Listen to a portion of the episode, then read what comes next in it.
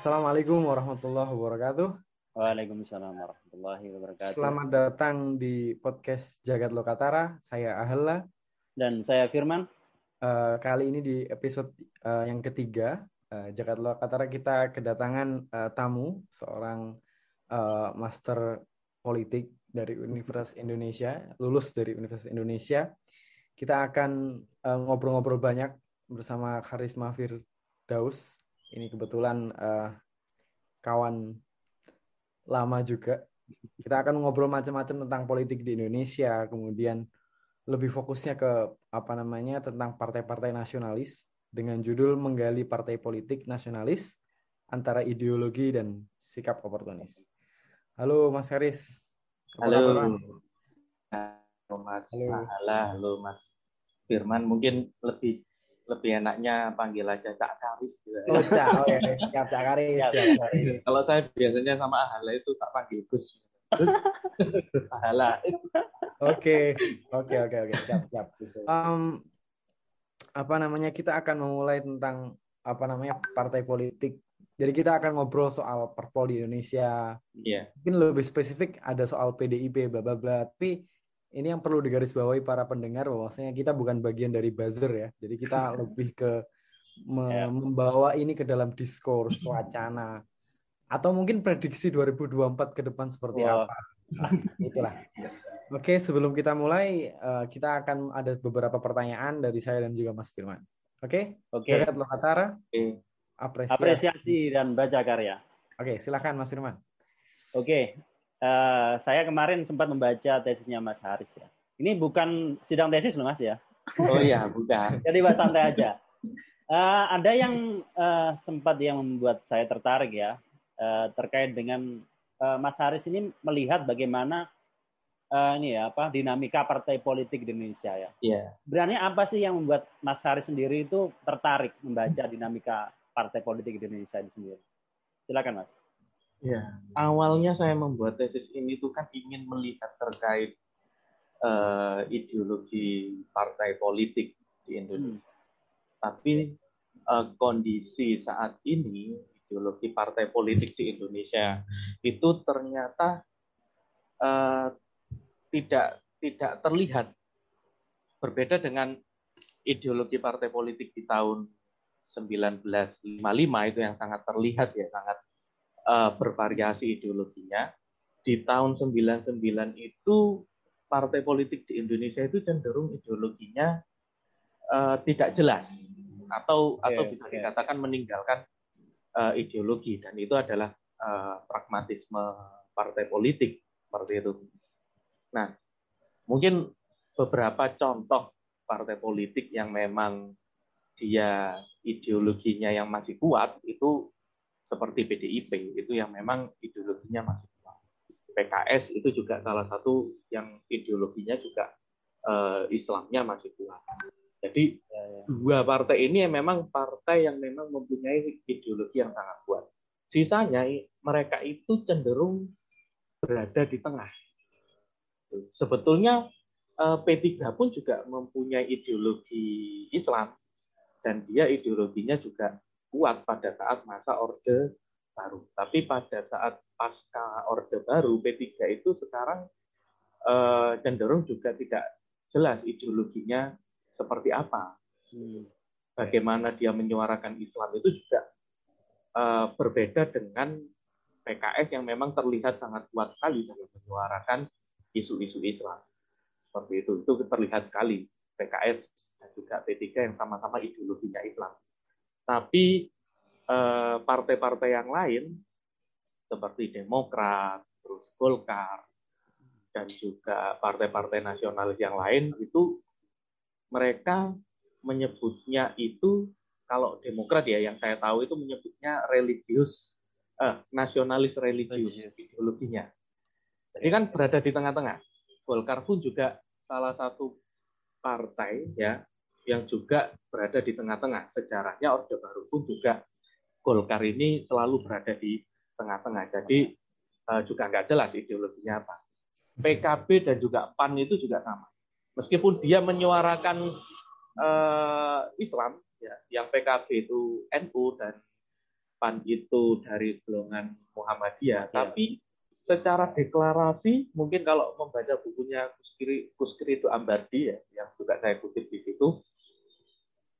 mereka deklarasinya ideologinya adalah inklusif, inklusif dan pluralis. Nah, jadi inklusif dan pluralis ini juga nggak jelas itu adalah salah satu ideologi yang berada di tengah-tengah seperti itu. Jadi tidak ada yang ideologinya entah itu uh, kapitalis atau liberal dan sebagainya. Berbeda dengan partai-partai di Eropa atau di uh, negara lain ya seperti itu. Yang memang salah satu kenapa saya mengangkat uh, tesis terkait ideologi partai politik. Salah satu itu. Oke, okay. um, Mas menyinggung tadi sempat uh, apa namanya menyebut uh, apa namanya awal kontestasi politik tahun 95. Kemudian yeah. kalau boleh tahu Mas, ini tarik ulur uh, perubahan politik dan orientasi budaya dalam parpol sendiri itu seperti apa Mas perubahannya dari 95 sampai kemudian eh, 55 55 55 sampai sekarang. 55 itu kan masih kental. Kalau Ya, uh, kalau 1955 ya.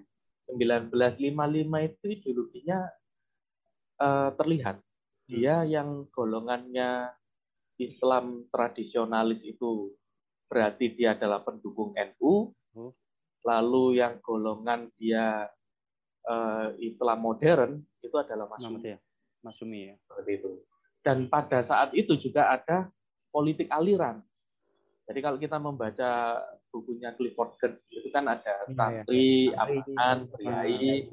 Nah, PNI itu salah satu pendukung dari eh salah satu partai yang didukung oleh kaum priai PNI. Hmm. Sedangkan PKI itu uh, dia didukung oleh kaum abangan. Tapi sebelum itu itu ter PKI itu salah satu partai yang menurut saya itu cerdas dalam dalam mengambil masa.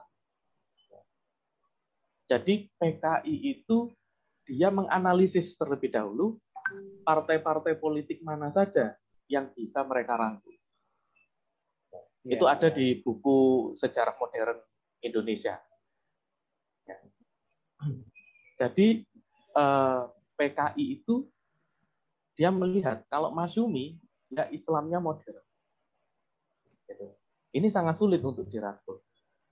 Gitu. Justru PKI harus melawannya. Yang bisa dirangkul oleh PKI, yang sesuai dengan eh, bagaimana mereka bersikap, itu adalah PNI dan juga NU, salah satu yang eh, partai-partai NU ya waktu itu ya, yang ya. ideologinya adalah Islam tradisional. Karena orang-orang tradisional ya, orang-orang uh, pedesaan lah. Sedangkan PNI yang dia golongan nasionalis itu dulunya awalnya adalah didukung oleh kaum kaum priai dan agama. Nah, tapi setelah kontestasi, setelah uh, eh, PKI itu bisa menganalisis partai-partai politik itu, melihat petanya, mereka bisa mengambil golongan-golongan apa. Kalau misalnya berbicara PKI pun juga sebetulnya kan tahun 55 itu kan nggak ada buruh. Hmm. Iya kan? Ya, ya. Buruh itu hanya berapa persen? Gitu. Padahal kalau berbicara ideologi komunis pasti mereka uh, berbicaranya terkait gerakan-gerakan buruh. Karl Marx pun juga bilang bahwa uh, terkait surplus value pun itu juga terkait buruh, ya buruh pabrik bukan petani, tapi di Indonesia kasusnya PKI justru didukung oleh kaum kaum tani. Nah ini ini pergolakan pada saat itu sangat sangat menarik sekali dan sudah dan sangat terlihat sekali kalau dia kaum tani berarti dia ini pendukungnya PKI kalau di PNI itu berarti orang-orang priai kalau Islam Islamnya apa dulu kalau Islam tradisional berarti dia orang itu modern seperti dia orang masuk. Tapi kalau kondisi sekarang sangat sangat tidak.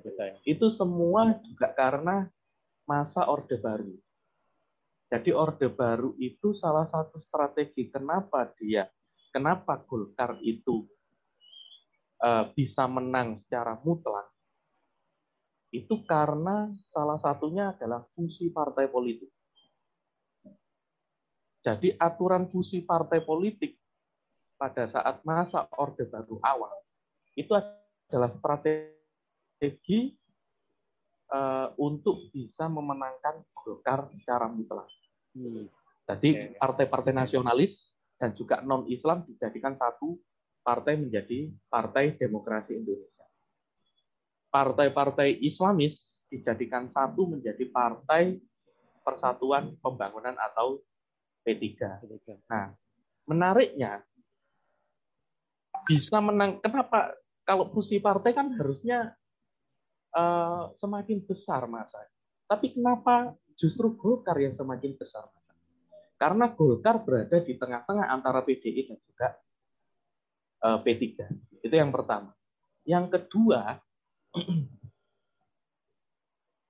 yang kedua adalah karena fungsi partai politik, kepentingan di dalam partai politik yang difusikan itu tidak beres. Hmm. Banyak yang berlomba-lomba untuk mengajukan kepentingannya. Gitu dan ujung-ujungnya melalui Kementerian Dalam Negeri dan penguasa mengajukan salah satu nama untuk dijadikan ketua umum partai baik itu PDI maupun P3. Jadi dapurnya partai yang difusikan ini ini tidak beres. Sehingga urusan masa itu mereka menjadi kalah dengan. Hmm. Itu yang menyebabkan akhirnya Golkar bisa menang mutlak. Nah, di tahun 99 di sini akhirnya yang namanya ideologi itu akhirnya tidak dibahas. Oke, okay, Perjalanannya seperti itu.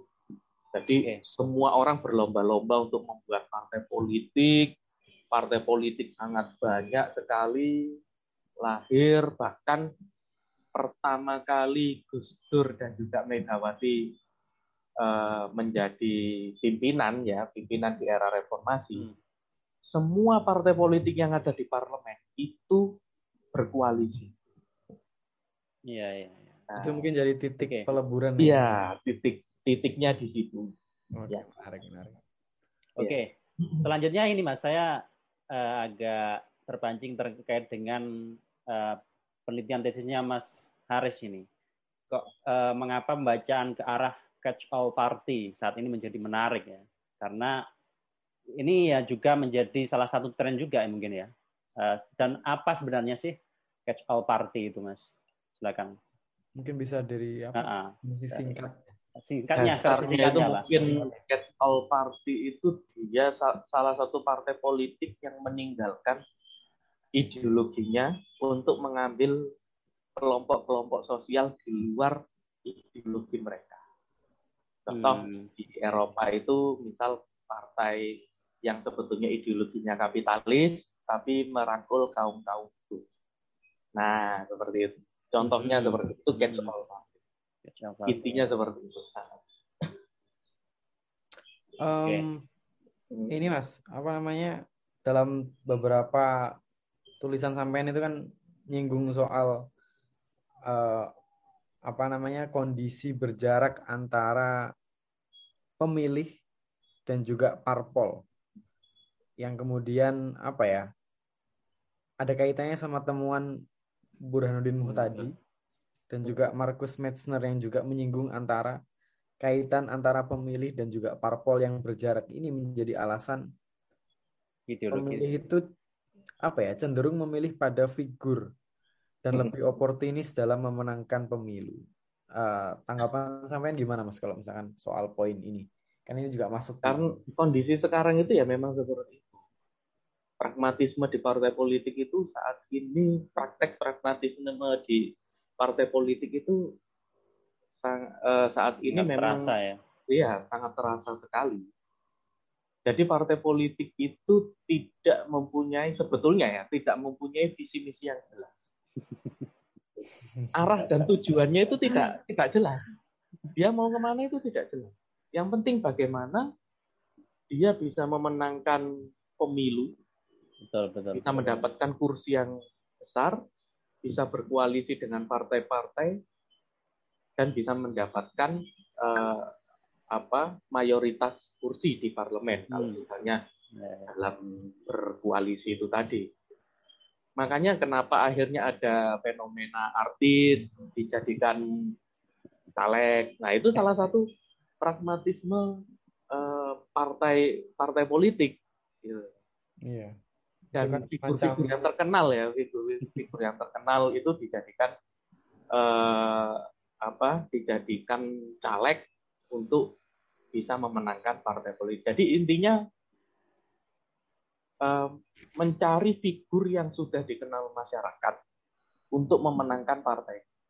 Tapi ya, apakah ya. dia tahu visi misi partainya? Itu juga urusan belakang. tahu, urusan belakang. Perkenalan itu ada kaitan sama elektabilitas gitu maksudnya. Nah, ya. seperti itu. Makanya di Indonesia itu terjadi. Hmm. Pasha Ungu, Pasha Ungu bisa jadi bupati di sana itu gara-gara apa? Terkenal, ya, terkenal, ya, terkenal. terkenal. Makanya ini, ini terjadi. Misalnya di uh, terjadi di kalau nggak salah di Bangka Belitung atau di Bengkulu eh, bukan Bangka Belitung Bengkulu di Bengkulu itu PDIP menang secara suara tapi Jokowi kalah itu terjadi makanya ada perbedaan antara uh, pemilih figur dengan pemilih partai politik. Itu terjadi. Jadi tidak ada pemilih pemilih itu di DPRD itu memilih PDIP di DPRD provinsi juga PDIP hmm. DPR RI juga PDIP dan di presiden juga memilih yang koalisinya PDIP itu itu ada ya kan? Tapi uh, ya hanya hanya beberapa persen. Dan itu memang selalu ada swing swing voters itu selalu ada dan di lembaga survei mana pun juga menyebutkan uh, terjadi uh, swing voters juga antara pemilih partai dengan pemilih presiden dan wakil presiden. Oke oke oke.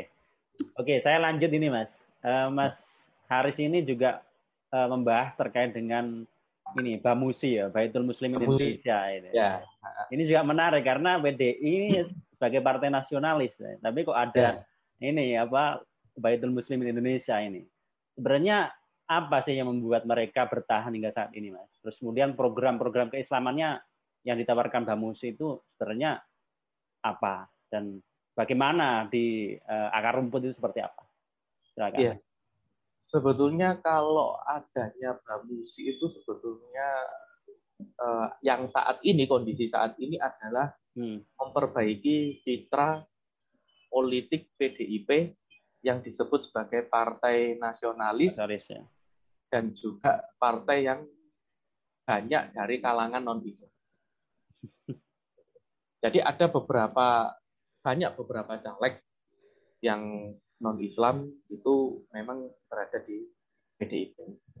Itu, hmm. itu awal-awal reformasi pun juga banyak eh, orang-orang dari non Islam itu yang memang berasal dari PDIP. Nah, akhirnya itulah kenapa PDIP membangun sebuah bangkusi hmm. yang tujuannya adalah untuk merangkul kelompok-kelompok Islam dan bisa dan bisa mencitrakan PDIP itu sebagai partai yang tidak hanya urusan nasionalisme saja, tapi juga dia mengurus religi. Nah, memang eh, salah satu yang saat ini fokusnya itu memang masih memperbaiki citra. Kalau dari sudut pandang yang eh, sudut pandang saya yang hmm. menulis tesis tersebut. Jadi tiap kali isu Jokowi, tiap kali isu PDIP yang non Islam dan juga nasionalis uh, dan tidak pro terhadap Islam itu selalu dibentengi oleh Samusi.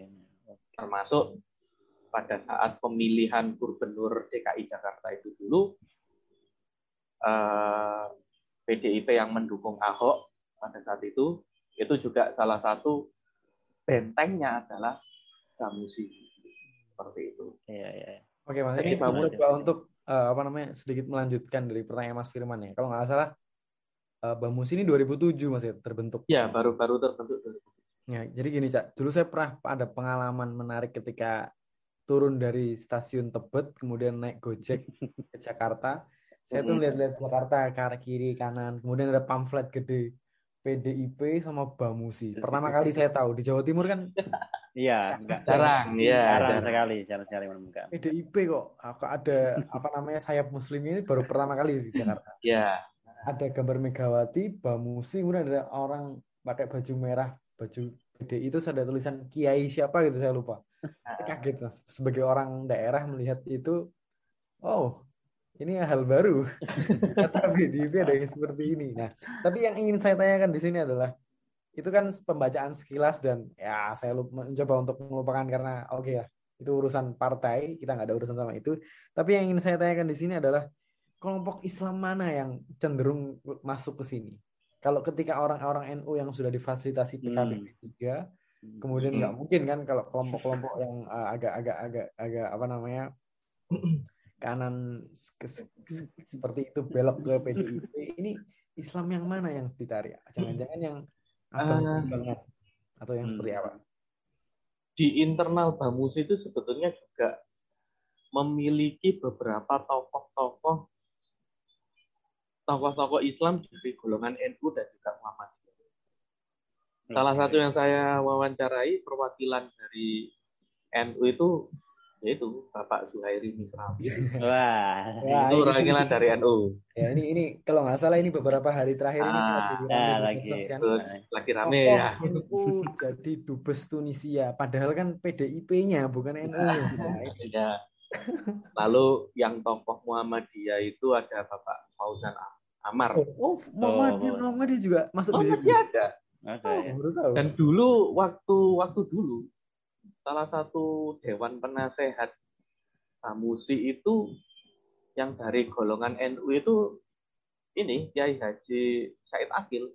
Oh, Said gitu Yang ya. dari yang dari Muhammadiyah itu Bin Samsudin. Oke, oke, oke. Oh, Tapi. Mungkin sekarang ter- terjadi perubahan ya. Iya, Eh, iya. mungkin sekarang dewan penasehatnya dari eh, Ketua Umum Muhammadiyah sendiri yaitu Bapak Haidar Nasir. Nasir. Ya memang awalnya kan kalau misalnya saya melihat ya Bamusi itu terbentuk karena memang kedekatan Megawati juga dengan kelompok-kelompok Islam. Hmm. Misal eh, Megawati kan juga pernah mencalonkan diri sebagai presiden berpasangan Hmm. dengan tokoh NU ya Ya, ya yang Bisa mempunyai jadi. pondok pesantren di Depok dan juga di Malang itu ya. ya, jadi. itu menjadi ya almarhum Selain itu juga eh, pernah menjadi wakil presiden Eh, Hamzah Has Hmm. Eh, ya wakil presidennya juga dari P3 Oh, waktu iya. itu waktu dia menjadi presiden tapi pada saat dia menjadi wakil presiden presidennya waktu itu tokoh NU juga. Jadi memang Oke, karena oke. kedekatan itu juga dan eh, tujuan Bamus itu juga untuk melihat eh, ini lebih banyak melihat bagaimana sikap Soekarno terkait pandangan-pandangan keislaman. Islam Nah, itu ya itu disuarakan melalui Bamusi ya. banyak buku-buku terkait eh, Bung Karno yang membicarakan terkait Islam itu yang ditulis oleh tokoh-tokoh Bamusi Bamusi. seperti itu. Ya. Dan sepenglihatan saya hingga saat ini salah satu organisasi sayap Islam di Partai Nasionalis yang saat ini masih berjalan itu ya Bamusi Bamusi. masih aktif. Itu punya akun YouTube-nya juga. Oke, oke. oh ternyata up with ini ya selalu teknologi update, baru. selalu update. Update nih. Bahkan Siap, Ramadan siap. pun juga mereka selalu update ceramah-ceramah kultum-kultum Ramadan seperti itu. Jadi itu organisasi yang paling aktif lah di Partai Nasionalis. Oke, oke. Organisasi saya betul. Oke, saya lanjut ini Mas. Tadi Mas Haris menyebut sejumlah tokoh Islam ya, termasuk apa Zuhairi Misrawi yang kemarin juga trending Iya. jadi dubes Tunis ini. Saya dulu juga ya. mengikuti Zuhairi Misrawi nih, karena memang apa nih ya? Ya, dia orang ya, lulusan Mesir ya. Lulusan Mesir dan kemudian nulis terkait dengan intelektual juga. Uh, terkait dengan uh, keislaman Timur Tengah dan sebagainya. Kemudian yang ini ya, karena Zuhairi Misrawi, kemudian ada Jalil Rahmat dan sebagainya, yeah. yang kemudian menjadi uh, tokoh sentral dalam Bamusi ini. Kemudian sebenarnya sejauh mana sih uh, peran kehadiran para intelektual agamis ya dan seperti itu ya dalam mengubah cara pandang uh, eh, PDI sendiri. Kemudian apa sih sebenarnya yang uh, dibawa oleh uh, mereka wacana-wacana politik keagamaan ini, ini ya yang digaungkan uh, oleh Zawari Mustawi ya, dan lain sebagainya. Silakan. Ya. Uh, ini yang memang menjadi uh, menurut saya itu di peran Samusi itu masih kurangnya di situ. Jadi seperti yang saya sebutkan di awal tadi, tujuan Bamusi saat ini itu masih mencitrakan PDIP eh, bahwa PDIP ini loh ya PDIP meskipun nasional juga merangkul golongan-golongan uh, Islam. Salah satu PR yang belum belum terjadi di Bamusi dalam kondisi saat ini itu adalah yaitu tadi belum bisa menyuarakan uh, peran Islam yang hmm. ada di PDIP. Bagaimana menyuarakan itu belum belum terlihat. Bahkan di provinsi-provinsi yang di situ mungkin ya mayoritas dia berasal dari golongan Islam yang kuat, PDIP itu juga masih lemah. Itu yang belum belum bisa di belum bisa dilakukan oleh Bagus untuk merangkul golongan-golongan Islam yang lain. Nah, kalau di daerah-daerah lain mungkin kelompok-kelompok yang dia meskipun Islam tapi berideologi berideologikan nasionalis pasti dia uh, bisa memilih partai PDIP. Tapi di provinsi lain yang Islamnya masih kuat seperti Aceh gitu, hmm. itu belum bisa dirangkul oleh PDIP melalui bagus. Bahkan isu-isu Islam terkait undang-undang pun yang saat ini uh, terjadi juga uh, peran Bamusi juga belum terlihat. Jadi saat ini masih dalam tataran membentengi PDIP apabila PDIP diserang terkait isu-isu Islam. Isu-isu ya, ya, ya. Nah, non agamis gitu ya. Okay. Nah itu. uh, Mas ini um, apa namanya terakhir nih pertanyaan nih. Uh, ya. Tadi kan sampai udah nyinggung juga soal kritik, tapi mungkin lebih ke apa ya? Mungkin sampai sudah menyiapkan sebuah apa namanya kritikan tentang kritik terhadap Bang Musi ini apa sih? Yeah. Misalnya misalnya kalau saya sebelum bercandaan ya, Bang Musi ini saya Islam PDIP nanggung. Kenapa nggak bikin pesantren Bang Musi? Atau kalau di Jakarta ada kajian Al-Qur'an. Enggak, maksudnya lebih spesifik semacam kayak Institut Al-Quran PDIP. Itu kan lebih ekstrim kan, lucu gitu atau Bamusi menjadi Mahat Bamusi atau karena mungkin uh, partai nasionalis lain seperti yang sudah sebut kita sebut di awal di SBY punya majelis zikir untuk merangkul yeah. orang-orang Demokrat padahal beberapa orang Demokrat juga ada acara semacam hataman keliling ke Jawa kemudian Gerindra pun uh, juga ada gerakan Indonesia Raya ini samain kritik terhadap yang spesifik ke Bamusi ini yang lain yang Bamusi atau yang lain Ya Musi yang ya, lain. Bang Oh, yang lain ya, yang sayap sayap Islamnya. Uh. Kondisi sayap Islam yang lain itu kan juga sama. Jadi tidak tidak terlihat bagaimana mereka merangkul golongan-golongan Islam yang lain. Hmm. Tapi hanya saja beda. Kalau Demokrat itu kan sudah jelas, ya, hmm. kan ideologinya saja nasionalis religius. Jadi dia nggak perlu mencitrakan diri sebagai dan memperjuangkan Eh, golongan-golongan uh, Islam. Mereka cukup pragmatisme saja. Hmm. Gitu, pragmatisme saja. Kalau kelompok-kelompok Islam uh, cenderungnya lebih hati-hati sih Demokrat itu kalau dulu itu ya cenderungnya hati-hati. Kalau ini diloloskan, misalnya kebijakan ini diloloskan, pasti ini kelompok-kelompok Islam akan uh, akan menolak. Akhirnya lebih cenderung lebih soft lebih pelan. Kalau PDIP kan memang berani dia. Gitu. Loh, ini isu ini sesuai dengan ideologi kita nasionalis, ya ini harus kita loloskan. Tapi kalau kalau Demokrat, Gerindra dan lain-lain itu tidak tidak berani seperti itu.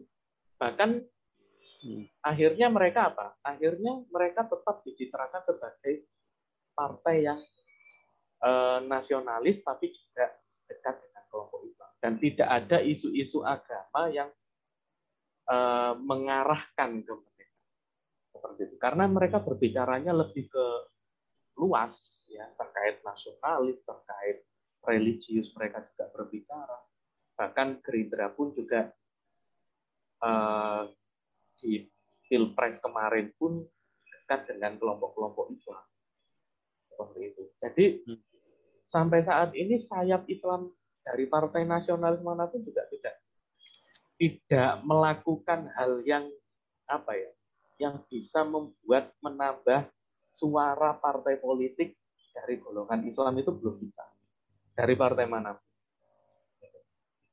Nah, kalau kenapa saya melihatnya Bamusi itu kerjanya lebih terlihat daripada organisasi saya yang lain karena memang banyak isu-isu Islam yang dimainkan ke PDIP, yang diarahkan ke PDIP.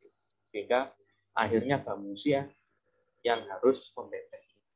Kalau partai yang lain, ya mereka nggak bisa mau memainkan isu Islam bagaimana, mereka juga sudah terlihat juga kadang dekat dengan nasionalis, dekat dengan Islam, bahkan kadang-kadang kebijakan apa pun kalau kebijakan uh, dari kelompok Islam ini pasti ditolak, ya, bagaimana caranya biar nggak ditolak. Jadi uh, yang memang memang lebih berani itu PDIP karena memang ideologinya sangat berat. Yang lain memang ideologinya tengah-tengah jadi harus berhati-hati. Oke. Okay. Oke. Okay.